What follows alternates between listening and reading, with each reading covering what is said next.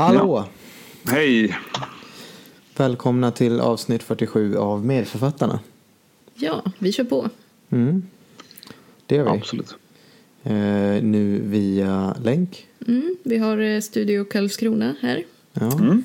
Och Studio Lund. Studio Karlskrona för första gånngen. Ja, Ja. Eh, I Varför, varför är vi i Karlskrona då? Eller ni? Jag har ju då börjat min AT, så jag är helt sprillans färsk AT-läkare. Mm. Grattis. Ja, nu är det ju kanske... Ja, det blir inte så många avsnitt som vi alla tre är AT-läkare egentligen. Nej, det blir väl eh, två avsnitt till kanske. Ja. Efter det här. Men känns bra. Nu är Ja. vi AT-läkarpodden, kan vi kalla oss. Ja, Nummer precis.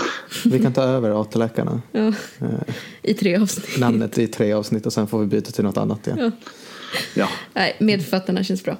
ja. Jaha, avsnitt 47 alltså. Ja, och vi ska prata om något gammalt, något nytt och något udda från den medicinska vetenskapen. Som vanligt. Ja. Inget nytt där. Och vi heter Miriam? Joe. Och Fredrik. Ska vi köra igång direkt? Ja. Ja. Ja.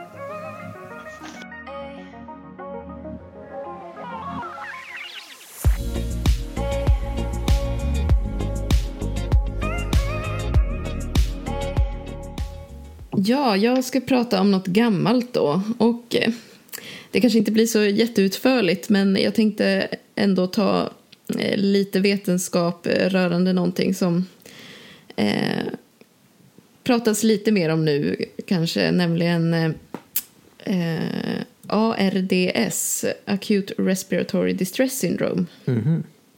Och Det har ni stenkoll på vad det är? Nej, verkligen inte. Alltså, det, det, är ju, en- det känns som ett, en sak man bara vet att det finns. Du är Ja. lite inne just nu med tanke på corona. Ja. Precis. Men det känns som att folk, eller jag vet inte. Man hör ARDS och så är det som att man låtsas veta vad det handlar om. Men så, Ja, något med andningen. Det Ja. är ändå Ja. bra. så vet ja. man inte riktigt. Den allvarligaste eh, formen av akut lungsjukdom. Mm, precis. Och det är väl lite, ja eller kanske framförallt det här tillståndet som folk eh, med covid som behöver IVA-vård hamnar i. Har jag Precis. eh, fått för mig av det jag har läst då. Mm. Eh, och eh, ja, det är alltså ett eh, akut eh, andningssyndrom helt enkelt. När man har, det är liksom ett inflammatoriskt tillstånd med respiratorisk svikt och hypoxi. Då. Och det är ju, kan ha många olika orsaker helt enkelt. Alltså det finns väldigt många eh, orsaker som kan, som kan leda till ARDS. Det är ju Mm. dels men, sepsis och lunginfektioner men även eh, pankreatit, eh, aspiration. Eh, om man har inha- andats in någon eh, farlig gas, om man har överdoserat någon drog och eh, autoimmuna eh, grejer också. Traumatisk chock kan ge det här. Så att, eh, men eh, bilden är ju ändå likartat och det är därför man har gett det det här namnet då när man får ett eh, eh, icke-kardiellt lungödem, alltså inte det här klassiska som man får för att hjärtat inte pumpar och därmed så stockas eh, vätska upp i, i lungan utan det är ett kapillär, det är läckage från kapillärerna och eh, skada på det här membranet mellan eh, kapillärerna och alveolerna som gör att man då får vätska i lungorna. Och då eh, kan man eh, inte syresätta sig helt enkelt. Det blir Och så. så man får lungödem bara, bara för att lungorna mår dåligt. Det Ja, inte, precis. Eller för att man mår dåligt i övrigt också. Ja. För det mesta. Ja. Så det- Men eh, Det känns som det finns en del sådana IVA-diagnoser som är ett, ett organ lägger av för att allt annat håller på att lägga av. Det finns väl med tyreoidea också, att det finns där att det också kan lägga av när man är eh, sjuk, väldigt sjuk. Okej, ja. ja. Det finns mycket på det IVA som det finns en del eh, sådana diagnoser som är så här, ja det här organet lägger av, varför ja, för att resten är, resten är sjukt också. Ja. Det här är kanske är lungvarianten på det. Eh, Ingen av oss är IVA-läkare, men Nej. det finns ändå definitioner som vi också kan läsa. Och man brukar definiera det här eh, på det, eh, ett liksom mer objektivt sätt är vad man kallar en eh, PaO2 FiO2-kvot. Väldigt härligt då, men, väldigt, men snabbt då så är väl det man kallar eh, PaO2, alltså partialtrycket av syrgas är hur mycket syrgas som finns löst i arteriellt blod. Mm. Eh, och så delar man det på FiO2 som är då fraction inspired oxygen. Alltså hur stor andel av luften man andas in är, eh, Syrgas. är syrgas. Och det här finns ju såklart helt eh, olika siffror som vi kommer bolla mellan eh, eftersom i Sverige så mäter vi eh, det här partialtrycket i kilopascal medan internationellt på många ställen mäter man det i millimeter Hg som Oj. blodtryck. Så att jag tänker att vi behöver inte grotta ner oss jättemycket i siffrorna där. Och eh, FiO2 kan ju också variera. Är det rumsluft så har vi 0,2 ungefär där. Mm. 20 21 procent ungefär. 21 ja. Mm. Men man kan ju öka det lätt genom hur mycket man- syrgas man tillför när man ligger i en eh, respirator eller har en syrgasmask eller har så. Just det. Men det, är- det är liksom bakgrunden. Men jag tänkte bara eh, gå igenom eh, lite snabbt. Eh, eh, egentligen var det en tweet som fick mig att börja fundera där någon skrev om eh, patienter som ligger i bukläge. Mm. Eh, jag bara, vadå bukläge? Det, känns, det känns kontraintuitivt. Ja, det gör det. Men det här kommer då från en eh, studie som heter Proseva. Eh, som är då Prone Positioning in Severe Acute Respiratory Distress Syndrome.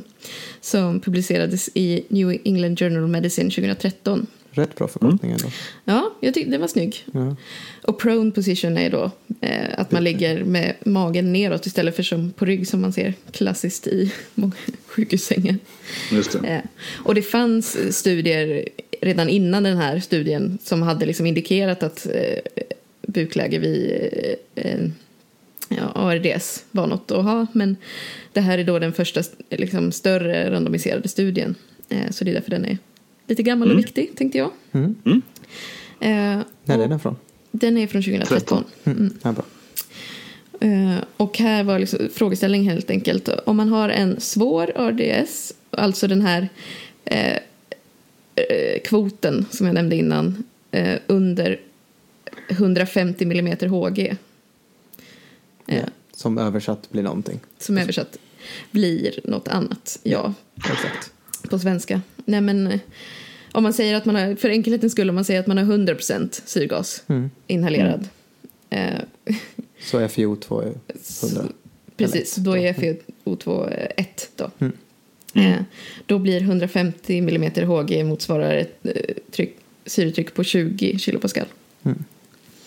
Eh, sen är det inte alltid man kör 100% syrgas, men vi, vi bara för enkelhetens skull. Mm. Eh, och den här i bakgrunden då så går de igenom att eh, eh, redan innan så det är egentligen under 2000-talet som man har börjat eh, hitta eh, mer eh, och kunna göra fler studier på vad i vården av ARDS som har effekt. För det är ju ett, tillstånd med väldigt hög mortalitet. Mm. Och redan innan det var, kom en artikel 2000 som visade att en låg tidalvolym, alltså eh, små andetag i en ventilator, eh, gav bättre outcome. Mm. Så att Okej. man ska försöka ha låg tidalvolym och eh, Sen kom det 2006 en studie som visade att man ska inte övervätska patienter, vilket det känns som att IVA-läkare generellt gillar att prata om, Mm.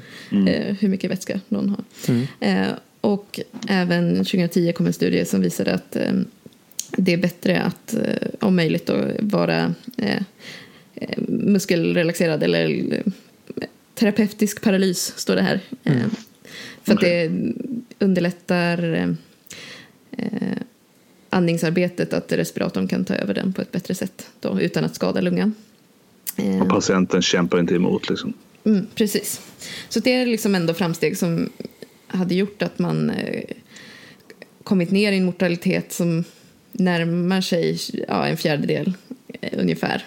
Mm. Eh, men här då ville man kunna titta på det här med om det tillför något med bukläget. Och eh, resonemanget där är ju helt enkelt att man ska få en bättre eh, matchning och mellan Ventilation och perfusion. Precis, Mm. att eh, eh, syret ska komma dit blodet också går.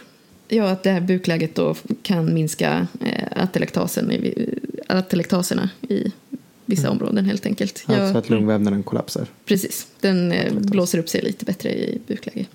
Och Okej. det hade man sett i några eh, oblindade studier redan innan då, men man ville ju ha bättre evidens som alltid. Just det.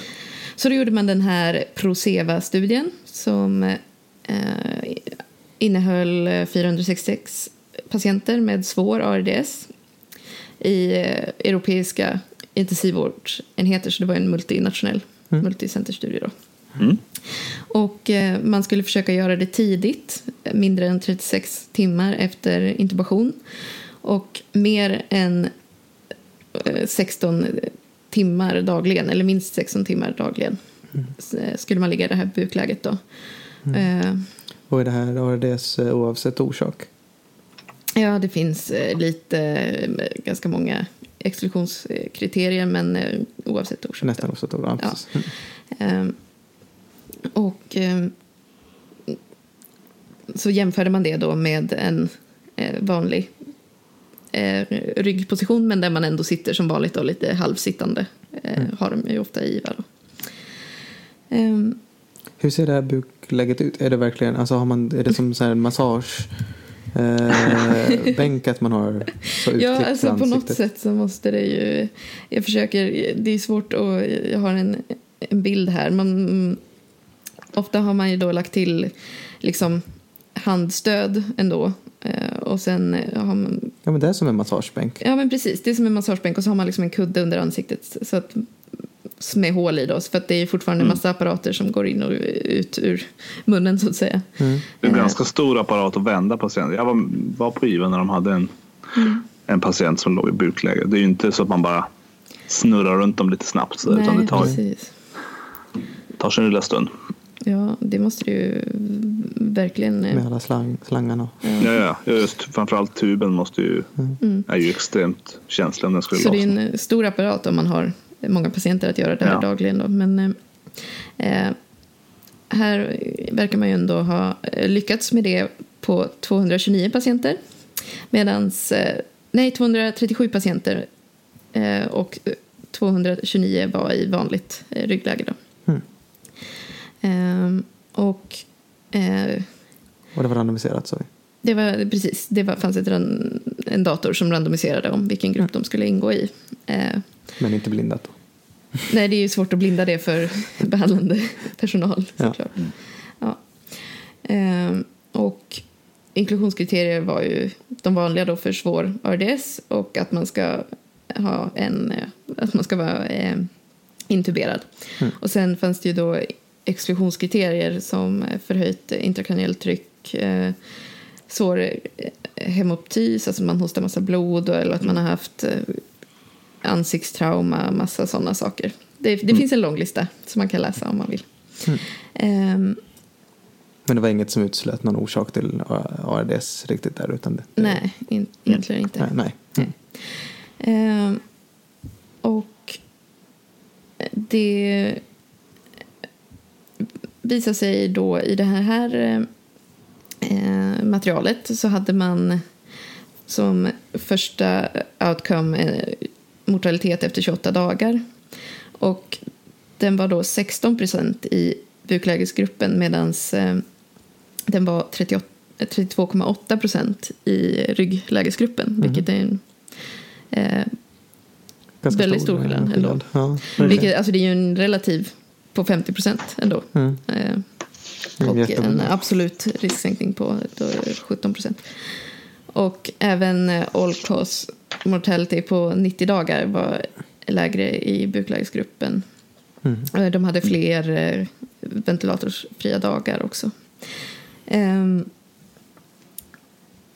och, eh, men det, det har funnits lite kritik mot den här studien då också för att de skilde sig ganska mycket i baseline karaktäristiken. Alltså det, det blev inte exakt lika i, vilket alltid är svårt på IVA, att veta vem som är svårare sjuk och inte. Ja, liksom. De, det är inte en homogen grupp på det sättet. Och är det randomiserat och det blir olika så har man ju mest bara otur. Ja, precis.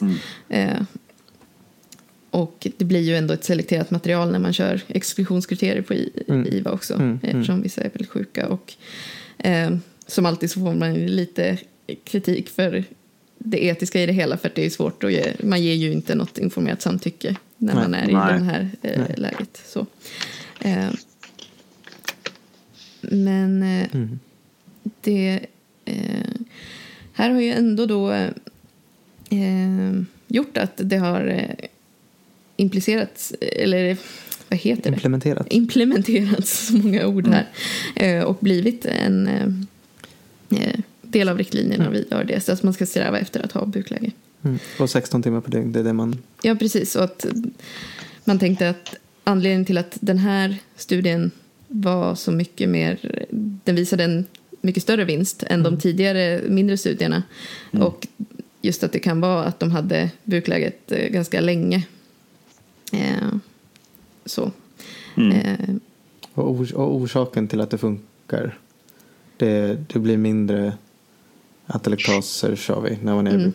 Av någon anatomisk anledning, typ. Eller, Mycket möjligt. Jag har Ja. inte grottat ner mig i den. Men det, det kan ju också bara vara att man överhuvudtaget byter. Att man inte är 24 timmar i samma läge. Det vågar inte jag svara på. Men eh, Jag tror också att eh, när du ligger på rygg så får du väldigt mycket blod just i, i de dorsala delarna, i bakre delarna av lungorna. Eh, och så andas du mer, luften stiger eh, liksom mer mot apex, alltså i toppen på lungan. mm. Eh, och när du vänder på det så tror jag, och nu är jag lite på, ute på jag är Ja, inte helt, säker, men då får, du mer, då får du definitivt mer blod där du har syre, det sa vi ju. jag menar, Men du särskilt får- om du har ett ryggläge där du är lite halvsittande. Då måste ju luften komma ännu mer apikalt. Tänker Mm. jag. Mm. Jag såg någon bild, någon bild på Twitter som halvvisade det. Men, eh, så, så, det, så det kan man försöka söka fram. eh. Men det går inte att söka på Twitter. Nej, nej, men sök på. ja, nej, men jag tänkte inte dra så, Nej. bli så långrandig om det. Nej. Men eh, det är ändå intressant att de här studierna finns och det är de man utgår från i, i det här läget när man är på IVA. Vilket vi inte är i nuläget. Nej, ännu. Ännu, kanske. nej. Vem vet. Mm. Så det var det, det var det gamla. Det finns Ja. en tutorial av Brian Broderick på Twitter. Ja, just det, om man vill fördjupa sig Eh, ytterligare. B. Broderick MD är hans uh, at på Twitter. Där finns en lång tutorial om varför det funkar med bukläge. Ja, så. Eh, den kan man kolla på. Och Den ville du inte tipsa mig, mig om innan alltså? Eh, nej, Nej, okej, tack. du får lyssna på podden om du ska ha sådana tips. Okej. ja, vi kör vidare tycker jag. Ja, vi kör vi. Vi fortsätter lite grann på samma spår faktiskt.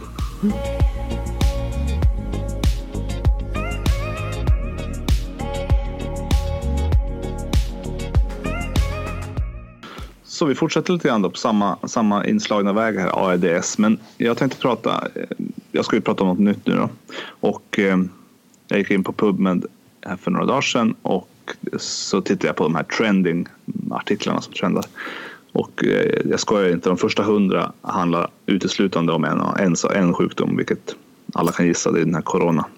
Covid-19. Covid-19 eh, eller, eller om, om viruset i sig. Och sen fortsatte jag inte att kolla, men jag satt och kollade. Ja, men det var åtminstone hundra stycken som var om detta.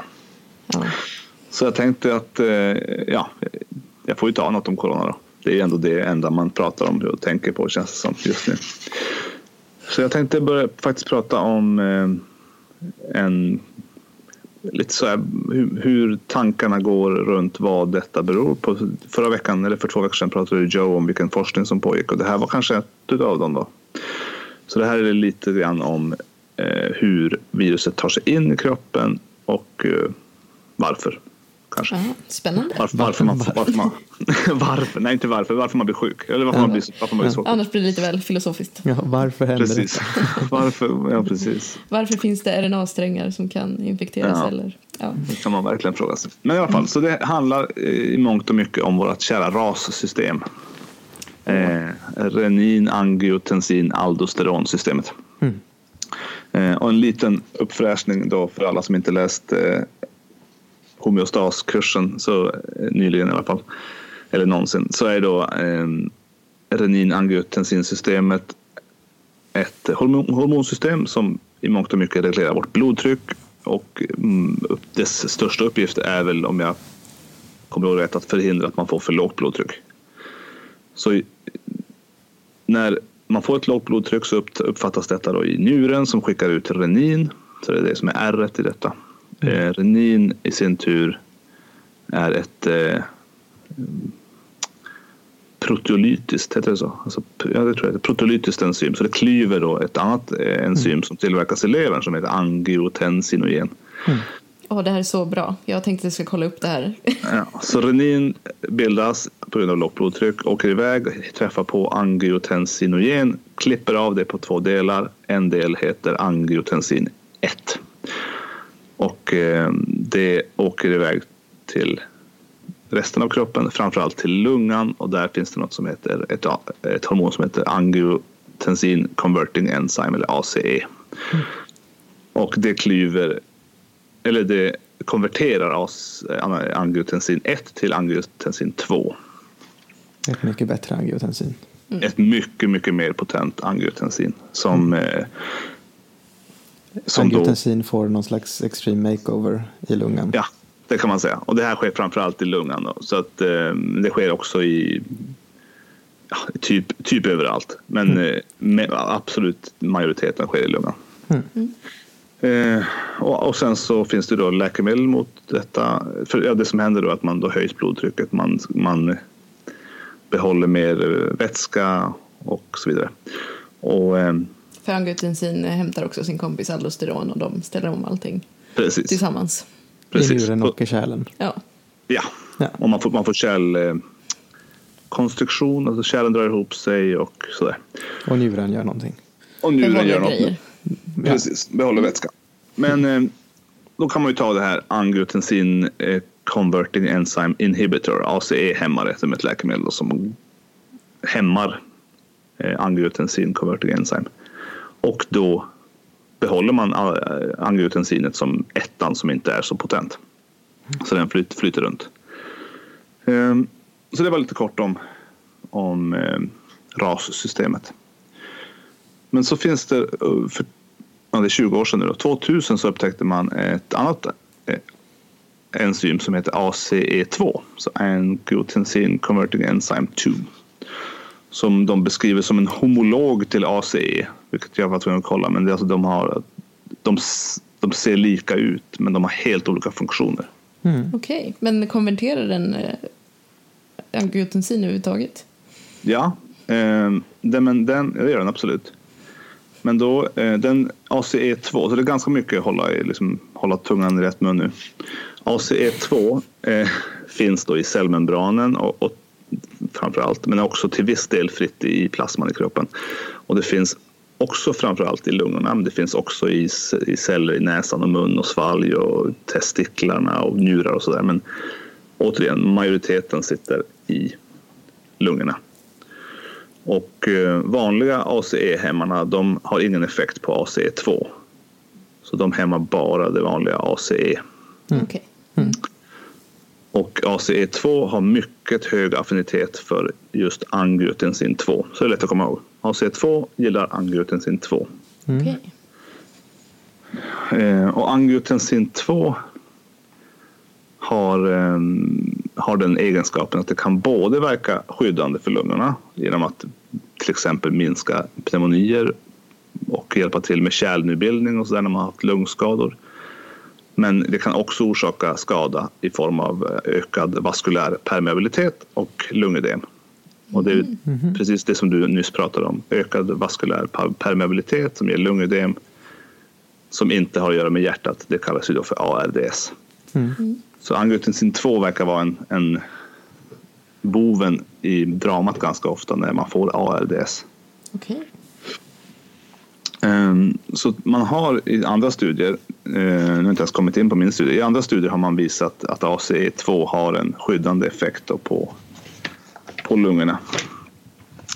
Men då har man också sett i någon studie att om man låter möss eh, andas in giftig gas så ehm, får de deras celler i, i lungorna tappar sina, de, de slutar att uttrycka ACE2 Okay.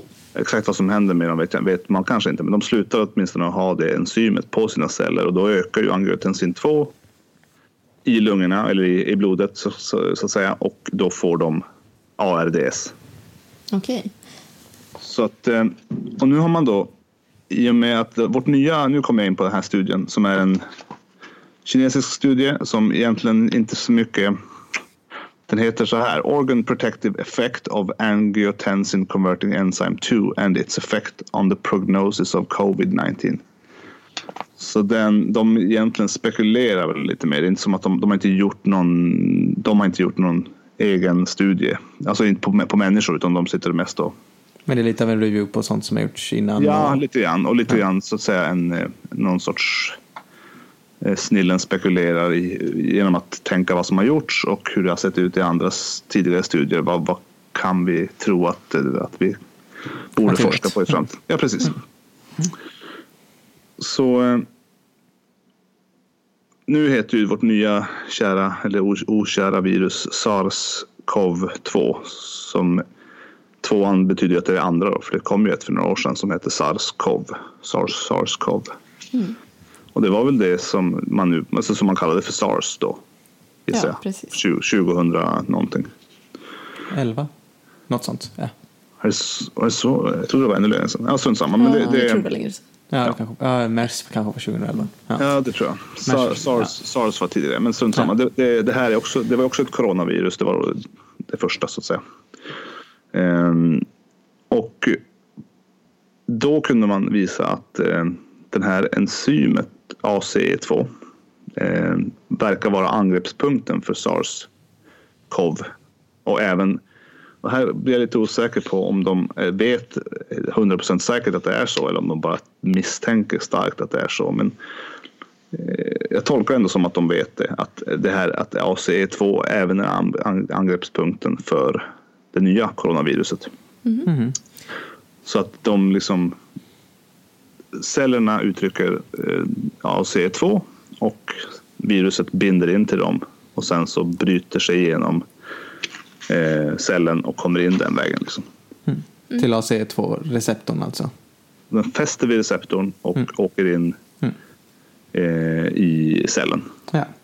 Och det som då verkar hända är att eh, och- och nu, åter, nu går vi nog tillbaka till den gamla SARS, eh, SARS-CoV-1 så att säga.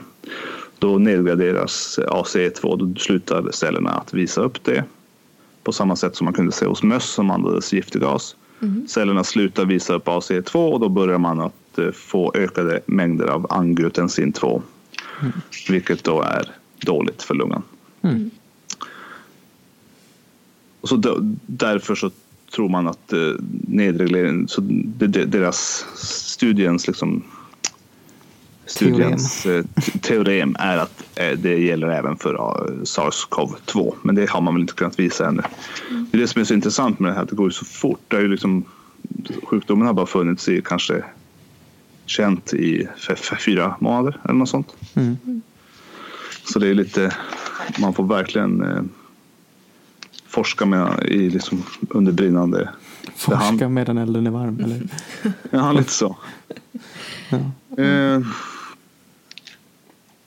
så det man, eh, det man då eh, teoretiserar här är att eh, det verkar som att ACE2-receptorn spelar roll. Och så har man då tittat på vem har flest ACE2-receptorer. Och då ser man att uttryck, de uttrycks mest när man är ung. Och då skriver de bara young people, så de säger inte om det är även samma sak i barn. Men låt oss anta att det är unga vuxna åtminstone. Så unga vuxna har mest AC-uttryck och gamla människor har mindre. Det är mycket mer i kvinnor än i män. Vilket då är tvärt emot. De som blir sjukast har man ju visat eh, hittills, åtminstone de som dör och ligger på IVA mest är ju män, Som är gamla, gamla män. ja, äldre män ja. Alltså de som har minst antal AC2-receptorer. Mm. Så det, är- det är lite, det, där kommer de inte riktigt i mål med. Det hade varit snyggt om det var tvärtom. Men eh, Mm. De, de teoretiserar ändå om att det, har, det spelar roll. Men exakt varför, det, det vet de ju inte ännu då, obviously. Ja. Eh, sen så berättar de att de funderar ju såklart vad är nästa vad är angre- hur ska man med den här kunskapen kunna bromsa sjukdomen eller stoppa den eller bygga ett, helst bygga ett vaccin. Och eh, då har man hänvisat dem till en studie som har gett sjuka människor med ARDS som hade um, osäker nu om de hade covid-19 eller den gamla sars. Nej, de hade covid-19 ja. Så det måste vara alldeles nyligen då. De har gett dem um, recombinant human ACE2 som alltså jag tolkar som att, de har, att det är humant mm. ACE2 i, i intravenös form. Mm. Så som ett läkemedel har man sprutat in angiotensin converting enzyme 2. Mm. Och de eh, har blivit eh, 44 patients with RDS were well tolerated after using det här recombinant human ACE2. Ja, så det, de, de tolererade Afore. Det gick bra ja. när de fick det. Ja, de, precis, och så ja. hur, det gick, hur det gick för dem sen det kanske man inte vet. Nej, nej men det, well det, det, var inget, det var inget farligt med det. Nej, de, de dog inte av det i alla fall. Men jag tänker så här då, om man tycker det är bra att tillföra mer AC, då är det väl bra att ha mycket AC2 då, som kvinnor och ja. unga personer har? Eller liksom, det, det kanske ja, inte har att göra med, alltså okej okay, att du blir infekterad via den, men om du har massa extra AC2 så kan du fortfarande binda in angiotensin 2 så att du inte ja. får en overflow av det. Mm. Eller något. Ja, så det är väl ja. rimligt. Mm. Ja, precis. Det kanske, det kanske är så att om en gammal människa har, nu hittar vi på en siffra, 10 stycken AC2 och en ung människa har 100 mm. så behöver ju den gamla, tappar de hälften så har de bara fem kvar. Medan mm. tappar den unga hälften så har de 50 kvar. Eh, om det nu är så, så enkelt. Men det, som sagt, allt det om här... Om de inte har det resonemanget så kanske inte vi har knäckt det Nej. heller. Men eh, man skulle kunna tänka det. Ja. Precis. Men eh, de funderar ju såklart på om det är antingen alltså en lösning skulle kunna vara, eller inte en lösning, men ett sätt att minska sjukdomen skulle då vara att ge det här AC2 som ett läkemedel. Men sen funderar de också mycket på om man skulle kunna angripa eh, den delen av viruset som binder in till ACE2-receptorn. Mm. Det kallar de för ett, inte just i det här fallet, utan det kallas tydligen alltid för ett spike protein. Ja, just det, de här knottrorna som sticker mm. ut.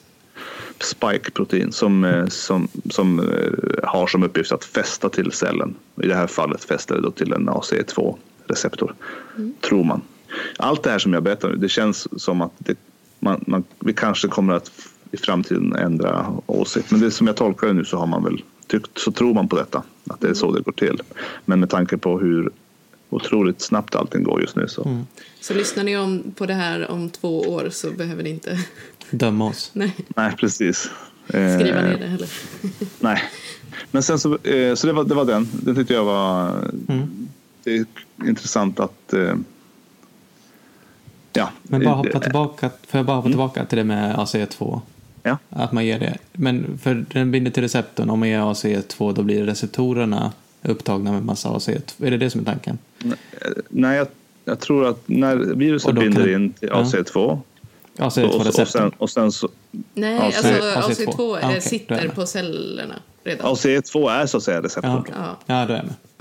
Det, det, det, sitter i cellväggen och då bryts, då åker, åker, viruset in i cellen och cellen slutar att visa upp AC, eller den tar bort sitt ACE2 mm. från, sitt, från sin eh, cellvägg. Mm. Och då finns det ingenting där som kan ta hand om angiotensin 2, mm. vilket behövs. Det har kanske ingenting med själva eh, viruset att göra men det råkar bli en, en sidoeffekt att man får mm. för mycket angiotensin 2 så får man då det här ARDS-symptomen.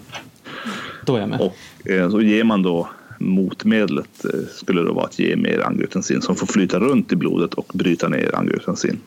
Mm.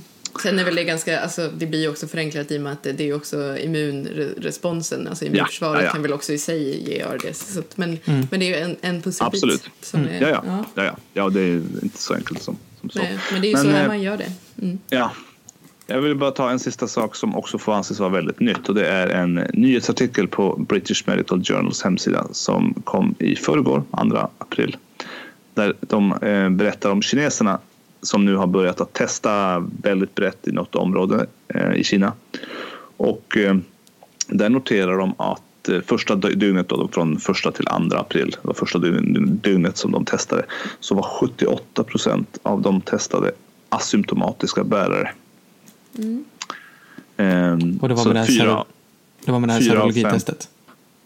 Ehm, Nja, det kanske det var. Eller var det PCR eller serologi? Det är väl... För det finns ju ett nytt serologitest som kan visa om man har Ja. antikroppar mot Ja, vi ska se om jag kan... Ja. Jag tror det var PCR. PCR, att man Mm. faktiskt... Alltså snabb på, eller viruspåvisningen snarare än serologi. Mm. För serologin är väl på väg Ja, nej, det här, jag, jag tolkar det. Det står nog faktiskt inte. Det är mer som sagt en nyhetsartikel, inte en... en Mm. eh, men att eh, om det är så att, att det stämmer, att fyra av fem skulle kunna vara, eller ens liksom hälften för den delen, skulle vara asymptomatiska bärare, då ställer det ju verkligen frågan som någon ställer i den här artikeln. What the hell are we locking down for? Just det, att många redan... eh, Att det redan är så spritt. Liksom. Ja, Mm. Mm. Ja, vi får se vad det landar i. Ja, jag såg någon kritik mot det, att, att man vet ju inte riktigt vad som är asymptomatiskt. Det var inte specificerat i den här Mm. artikeln från Kina vad som är... Om det är asymptomatiskt, det kan ju också vara... Har pre- inte ARDS. Nej, men det kan vara presymptomatiskt. Alltså, Ja. Man vet ju inte om de blir sjuka nej. Fem dagar senare eftersom Nej. det är en ögonblicksbild. Men eh, det är väldigt intressant ändå för Mm. Absolut. att följa framöver. Mm. Men än så länge låser vi in oss. Ja, Lite vi har väl ändå... Vi, jag tycker vi har en alldeles lagom inlåsning. Eller helst skulle man göra mindre, men Men det känns ju som att det, det sköts. Ja, jo, precis. Det sköts på andra ställen än Medförfattarna podcast. Ja, det får man väl ändå Ja. säga. Och det ska, vi Yes. vara glada, det ska vi vara glada för tror jag. Ja, det tror jag absolut att vi ska. Jaha, vi går vidare då till någonting, Ja, till någonting udda. Blir det också corona tror ni? Vi får se. Oj, Mm. spännande.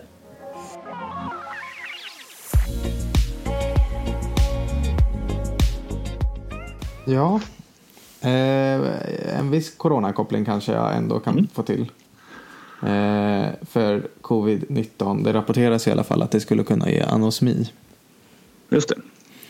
Eh, och jag ska prata om lukt. Får du, precis, du får förklara vad anosmi är kanske. Det är alltså att man inte har något luktsinne.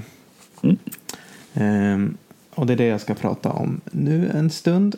Men Eh. får jag fråga då, för jag har tänkt på det, det, det skrivs ju mycket om det. Men eh, när man är täppt i näsan har man inte alltid anosmi då eller?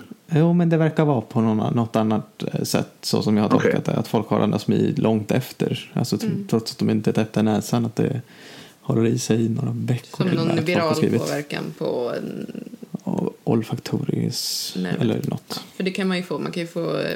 Av vissa virus kan man ju få övergående dövhet och sådana saker också. Ja. Så Ja. kanske. Men eh, nu eh, bara lukt. Eh, Nu lämnar vi ingen, covid. ingen covid. Okej, det, var, det var kopplingen. Det var bara en koppling, ja precis. Och jag kommer Jag tänka förstår. på det här för en, en, en kompis till mig eh, berättade i, i förbifarten att hans eh, kiss luktade kalaspuffar. Bra dåligt. Ehm, och jag tänkte direkt på diabetes. Det känns som att någon hade sagt exakt ja, det någon gång. Kalaspuffar är typ honung och Ja, eh, sött. ja, honung. Honung typ. Ja. Och jag fick, det, ja, och det är det första. När man söker på typ urin som luktar sött, sweet smelling urine, då är det så här diabetes som kommer upp. Mhm. Eh, Och han sa ju det bara i, förbifarten och så var jag så här, jaha, men jag tänkte liksom på diabetes direkt. Är det någonting, är, är, finns det något i det? Så försökte jag hitta en artikel. Alltså, Mm. är det här med att urinen luktar sött, Validerat. är det ett diagnostiskt, alltså, finns det någon, någonting Alltså i om det urinen överhuvudtaget? smakar sött kan jag förstå, men hur, hur luktar någonting sött? Ja, men att Hur lukta, luktar ja, men- socker? Ja, men det, ja, I det här fallet luktar det då kalaspuffar. Och Ja, ja. honung, ja, ja, honung har jag sett att det beskrivs som också. Att Okej. ja, men det luktar honung. Eh, och så försökte jag hitta då, finns, finns det liksom, har någon, jag tänkte absolut har någon testat det här som en, i alla fall som en rolig grej. Vad, finns det, vad är det för sensitivitet och specificitet av att urinen luktar sött för eh, diabetes? Men det, det hittade jag inte. Jag var väldigt besviken. Bra blindstudie ändå. Kan ni lukta er till en diabetes? Ja, jag eh, blev väldigt besviken. Kalaspuff eller kiss? Exakt. Bra eh, lek. Ja. Eh, Men istället när jag letade då så hittade jag en review-artikel som handlar om sjukdomar som luktar ja. i allmänhet. Eh, Har ni Ja. några uppslag på sjukdomar som luktar? Mm. Som luktar jag. Ja, jag har en. Fötor ex ore. Ja, vad tänker du på då? Någon leverencefalopati. Nej, det, ja, Föteropaticus. Fötor, vad är det som är fötorexorer? Är det Mononukleos, man, vad heter det? Mononukleos, ja precis. Precis, Körtelfeber. körtelfeber. Då luktar man död ur munnen, fy. fast på latin. eh, och föter hepaticus är ju motsvarande då, men eh, vid eh, leversvikt. Just det, då luktar man också död fast det är från levern. Mm. Fast man luktar ur munnen. Ja, jag tror den är lite mer generell. Att, eh, om det bara är från munnen. Jag tror inte det bara är från munnen då, utan jag tror det är bara att man generellt luktar död. Oj, det har jag Jaha. faktiskt inte tänkt på. Nej, men jag tror det är Tror svår, inte det är så- lever, jag tror det är svår leversvikt. Ja, Okej. Den kan inte vara så uttalad i så fall. Nej. Tror jag. Jag har inte tänkt Nej. på den. Fler Det sjukdomar som kanske luktar. Har ni någon mer? Ja, men allt som är, som är var. Mm. Infektioner. Alltså, man kan ju tycka att det luktar pseudomonas. Jag är Ja, inte precis. helt säker. Men det är Mm. inte gott i alla fall. Mm. Och, Och eh, eh, U- UVI säger ju många, åh det luktar UVI, men Mm. det påstås ju att det går inte, det finns inget. Men det är många, många undersköterskor och sköterskor som säger det, oj det luktar UVI. Mm. och eh, ketoacidos. Ja, det var den jag ville Ja. att ni skulle komma fram till också. Åh, det känns som att det här är ju exempel som alla har tagit typ när de vill em- exemplifiera varför det är så viktigt att träffa en patient. Därför att man kan, det finns så många tecken som man Mm. annars missar. Ja, ja det, det kan mycket väl stämma. Ja. Eh, Review-artikeln är från 2011 och heter The Scent of Disease. Volatile organic, organic compounds of the human body related to disease and disorder. Och är skriven av två eh, forskare på eh, Tokyo universitet, Shikazu och Tohara. Och det de skriver om då, volatile orga, orga, organic compounds, alltså flyktiga organiska föreningar. Sånt som kan lukta, det vill säga att det är flyktigt, eh, finns i luften runt omkring oss och eh, produceras organiskt. Så flyktiga Mm. or- organiska föreningar. Mm. Eh, en människokropp producerar eh, hundratals eh, åtminstone som man kan analysera nu för tiden med eh, gaskromatografi och masspektrometri. Mm. Och man har då ett odor fingerprint. Man har ett, ja, blandar man ihop eh, vissa andelar av alla de här flyktiga föreningarna som avges från en här och var så Mhm. har man ett, Man har en unik ja, lukt. det är därför man har en lukt Okej. eh, som är ens egen. Ehm, och ehm, ja, man har ju vetat länge att sjukdomar luktar och de har en referens till Hippokrates i den här eh, referens nummer tre? Hippokrates. kvalitet. Mm. Så redan då visste man att vissa sjukdomar luktar.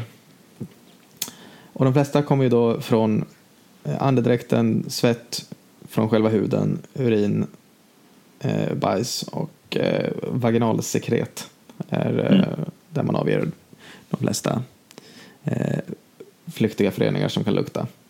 Mm. Eh, även blodet i sig är viktigt såklart eftersom vissa flyktiga föreningar kan filtreras från blodet ut i svett och andedräkten och annat. Mhm. Mm. Så eh, snabb genomgång av eh, andedräkten då. Eh, där har man ju både lukt från saker som finns inuti kroppen. Eh, alltså superfiltrat från blodet. Så har du någonting i blodet som luktar så luktar andedräkten så. Men du har också såklart eh, saker du har andats in, saker du har i munnen som du har ätit, Mm. eh, bakterieprodukter från alla bakterier du har i munnen Gott. eh, och så vidare. Så det är både endogent och exogent i andedräkten. Hud luktar ju mestadels på grund av svetten och då är det de apokrina körtlarna som luktar mest. Eh, som finns i armhåla och ljumskar och Mm. sådana ställen som luktar helt enkelt. Mm. Eh, och urin då kan lukta eh, och där har man på något sätt ändprodukten av massa metabola processer. Ja. Där har massa redan hänt. Ehm, och mat och dryck kan ju påverka det också, till exempel då sparris det. som kan göra att urinen luktar. Mm. Eh, och ehm, precis, blod i sig kan också lukta. Det är nog ingenting man uppfattar jättemycket som människa tror jag. Men eh, det finns studier som visar att hundar kan skilja på blod Mm. från människor med äggstockscancer gentemot kontrollgrupper och mot annan gynekologisk cancer. Shit. Att de på något sätt kan lukta, genom att lukta på blod känna igen, eller bli tränade till att känna igen äggstockscancer. Oj. Eh, och vad gäller urin så har även möss tränats till att lukta sig till lungcancer hos andra möss via urinprov. Att de får lukta på muskiss och att de då kan känna igen vilka möss som har eh, lungcancer. Vad har de för sensitivitet och specificitet på det? Det kan man ju Ja, nej det, det förtäljer inte historien. det är nog inget som ska vara i, kliniskt bruk tror jag att vi ska ha möss på. Nej. På, På labbet. På labbet, nej. Det tror jag inte. Ja, och så tänker jag då gå in på sjukdomsspecifika lukter och jag tänker börja med eh, infektionssjukdomarna. Eh, och en som återkommer, det finns en massa tabeller här med vad saker luktar. Spännande. Eh, och en vanlig komponent i eh, de här sjukdomarna som luktar en förening är dimethyldisulfid Mm. som luktar vitlökigt men äckligt. Ja, förstår jag det som. Eh, Ja. Används faktiskt i mat som tillsats. Var det Eh. sulfid? Sulfid, ja. Mm. Inte sulfit. Nej, för det Nej. Inte gott. Eh, men det används i mat eh, som tillsats. Eh, för den luktar och eh, smakar väl antagligen också lite vitlökigt. Mm. Eh, också en delkomponent i eh, doften av pappersbruk. Mm. Den härliga doften. Mm, det känner jag till. Som man kommer Ja. från Kalix så vet man hur det luktar. Mm. Billerud, Korsnäs. Och det ingår, det, den förekommer ofta i de här infektionslukterna. Ehm, men om man då blandar det med terpineol eh, som luktar syren. Mm. Eh, det är en huvuddoftmolekyl i lapchang souchong-te. Det har jag nog faktiskt inte druckit. Nej, det känner jag inte igen. Eh, men det luktar alltså sy- syren. Eh, Och de två föreningarna då är huvudkomponenterna i lukten av en viss sjukdom, infektionssjukdom. Och då är det bajset som luktar. Som luktar lite vitlökigt och lite syren. Ja, det, luktar det, det blir sött, blir, ehm, Ja, det blir Eh. sött. blir slutprodukten av det. Ja, men då tänker jag... Får vi gissa nu eller? Ja, jag tänkte det. Baj- Bajs som luktar sött. Dif- Diftdiagnos. Kan inte det vara salmonella? Nej. Clostridium. Nej. För det är ändå en infektionssjukdom. En infektionssjukdom. Ja, okej, men... eh, Är det en någon sorts... gastrointestinal? Ja. Jaha. Alltså bajset luktar... Men okej, Yersinia då? Jag har aldrig känt de här, jag bara gissar nu. Kolera. Kolera, det Ja, det är ju skönt att vi har sluppit den lukten. Ja, det har man inte luktat på så mycket. Men det ska lukta sött. Eh, då ska Ah. bajset lukta sött. Tydligen, enligt rapporter. Mhm. Eh, och den här dimetyldisulfid den förekommer i en massa annat. Men då tillsammans med andra fettsyror. Och då luktar det äckligt. Då luktar det ruttet och Mm. inte alls gott. Eh, och det kan lukta när man har bakterieöverväxt. Eh, ofta i eh, avancerade cancrar Mm. som ulcererar. Att det ger ett, en väldigt äcklig lukt. Men det är dimethyldisulfid som också är, är med i det. Mm. Ehm, och då är det oftast anaeroba bakterier som det blir en överväxt av och producerar saker som luktar äckligt. Ehm, och eh, dimethyltrisulfid istället, eh, då blir det den här pseudomonaslukten som vi pratade om innan. Eh, Okej. Men hur skulle ni beskriva den?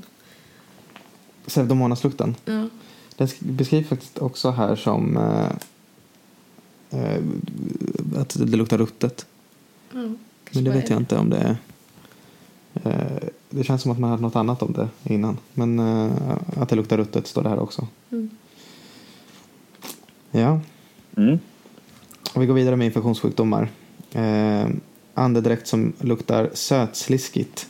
Eh, och äckligt, men eh, väldigt sötsliskigt. Eh, förknippat med äkta krupp. Alltså difteri. Ah, just det, när man får de här jättebeläggningarna. Ja, då får man en stor beläggning längs med hela luftvägarna.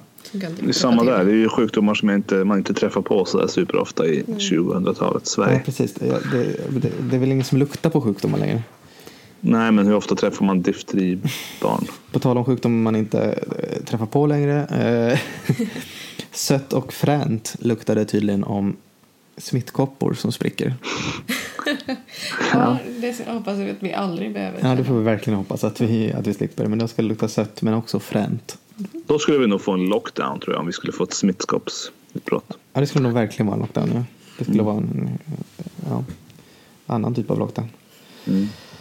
Eh, tuberkulos i lymfkörtlar som spricker, det som kallas skrofula. Luktar unken öl. Nej. Eh, och eh, salmonella tyfi, då ska tydligen hela personen lukta som bakt bröd. Men det var ändå lite trevligare. Mm, Som, lite som musty. bakat bröd. Ja. Jaha, Mm.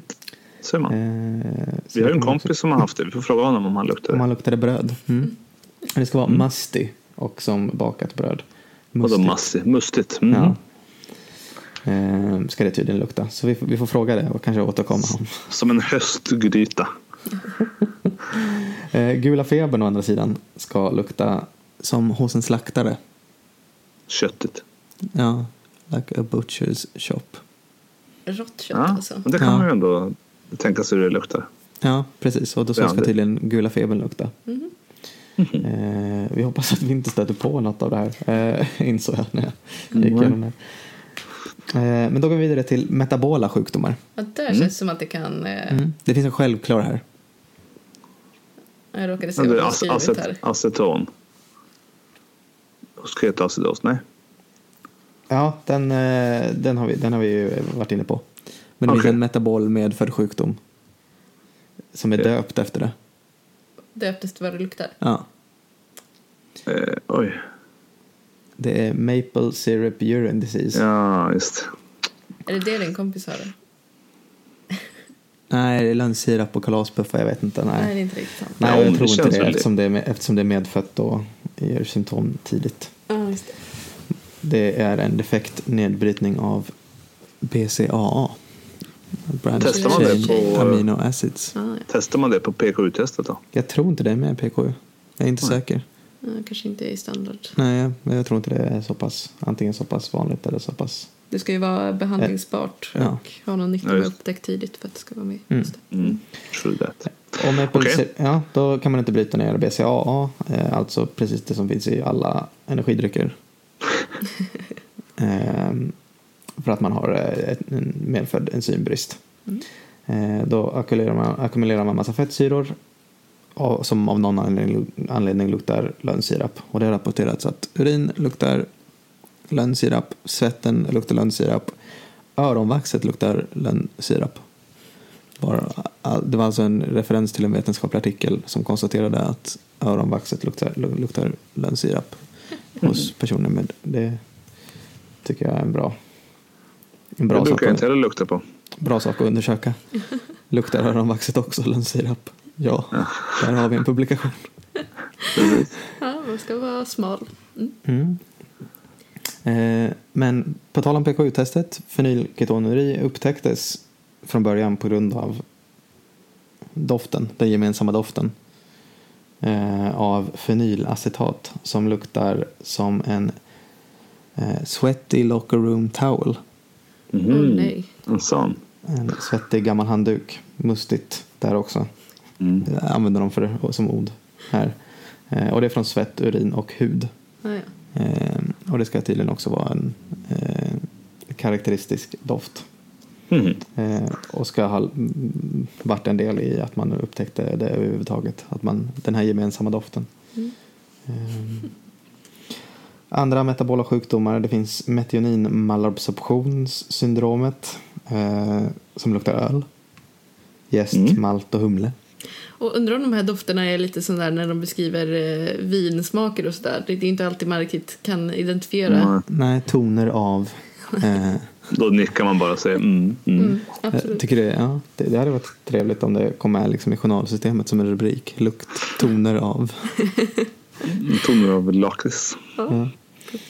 Men jag kom på en annan sjukdom. Ja, ja. Som, som luktar, tror jag, eller smakar. Eh, cystisk fibros.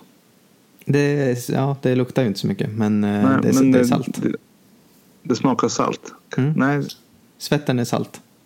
Men det är alltid salt. Ex- Extra salt va? Ja, jag tror det. För det är väl ingen vätska i den. Så det blir, eller mindre vätska i den. Den blir jättekoncentrerad tror jag. Mm. Så man får jättes, jättesalt svett.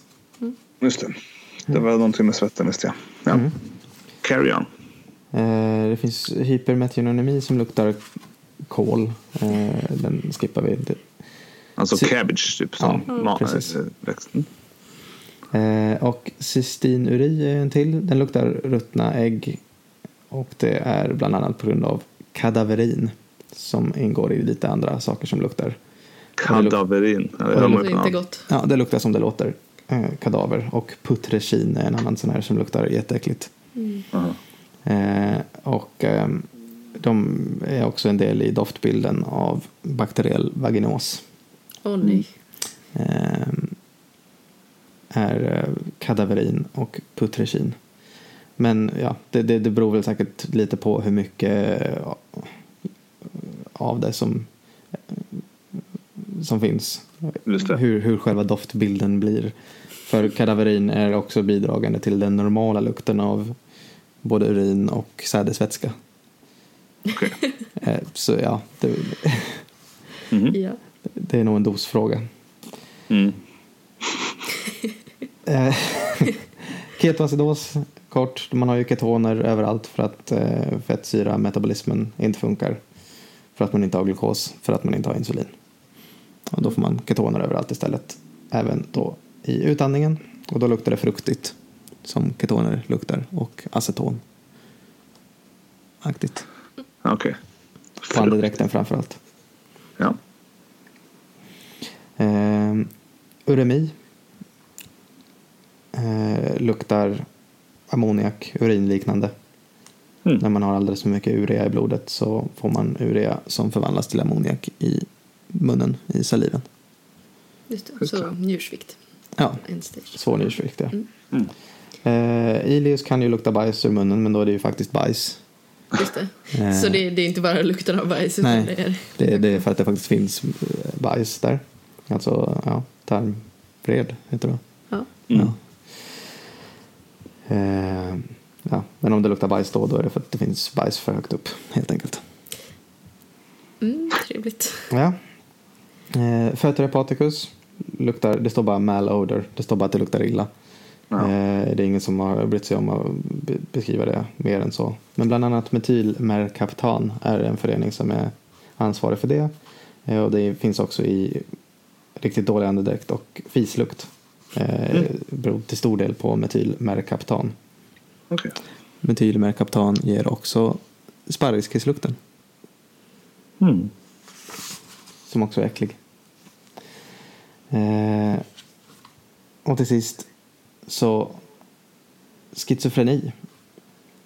Oj, det känns inte som att det ska vara så luktigt. Nej. Men tänker Man- mest att det skulle bero på dålig hygien, men det kanske finns då. Mm. Man har länge trott att det finns en speciell lukt.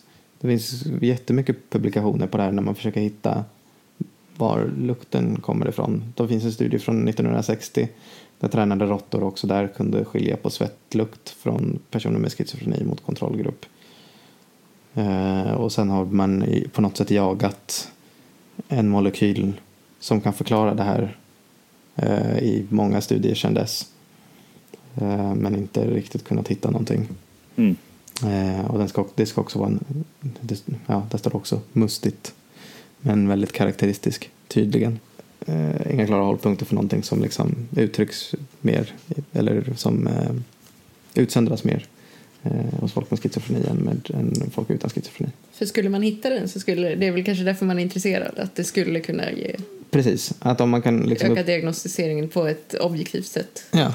För det finns ju elekt, elektroniska näsor Mm, som gas, gaskromatografi eller masspektrometri som, där man kan analysera vad en person avger. Vilka flyktiga ämnen som en person avger. Ehm, och, och man kan också upptäcka flyktiga ämnen som, man inte, som inte har någon lukt för människa. Eh, Mm. Där det finns markörer för astma, lungcancer och bröstcancer som man har hittat som utsöndras mer eh, när man har de sjukdomarna. Men som vi inte uppfattar då med vår näsa men som kan upp- upptäckas med en elektronisk näsa inom Mm. citationstecken. Eh, men vad jag vet är det ingenting som liksom används som ett diagnostiskt test så för någonting förutom typ ketoacidos. Eh, Det känns ju som att det används ändå. ja, att luktar det aceton i munnen så vet Om man inte ju. annat så eh, blir det ju som att man tänker till lite. Tog jag det där glukostestet eller inte? Mm. Urinprovet. Mm. Just det. Ja.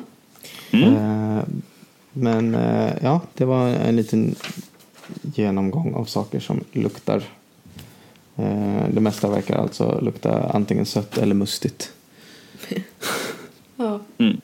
Påtagligt eh, annorlunda kanske i alla fall. Får man väl Ja, säga det som. Mm. eh, ja. saknade ni någon lukt? Nej, det Nej, tror jag inte. man får gärna inkomma med Egna illaluktande sjukdomar. Precis. ja, ja, eller karak- karaktäristiska lukter kanske snarare än illalukter. Ja, men en lukt som de ändå pratar om, inte hur den luktar, men att det luktar mycket, det är ju Gardia eh, Ja, just det. infektion i tarmen. Alltså Mm. en sån eh, amöba, eller vad det kallas. Mm. Nej, inte en amöba. En Nej, eh, Gardia lang, lam, Lamblia. det? Lamblia. Är det en ett Eller? protozoo. Ja, någon, det, va? något litet djur eller någon liten parasit. Att det ska lukta väldigt illa när man bajsar diarré. Det var väl också lite rötnäggaktigt. Ja, kanske. Har jag Ja, för mig att det, någon beskrev det som. ja. Våran, han? Våran eh, professor. Och det finns säkert fler. Ni får gärna Ja, tipsa. inkomma mera Just det. luktdiagnoser. Gör det. Ja, det var allt för idag då. Det var det. Tack för oss. Så Tack för oss, återkommer ja. vi ju igen. om Så länge vi håller oss friska så återkommer vi. Mm. Ja. Ja. vi kan, man kan ju podda Även om, fast man är ja, sjuk. precis. Det är svårt om man ligger i bukläge.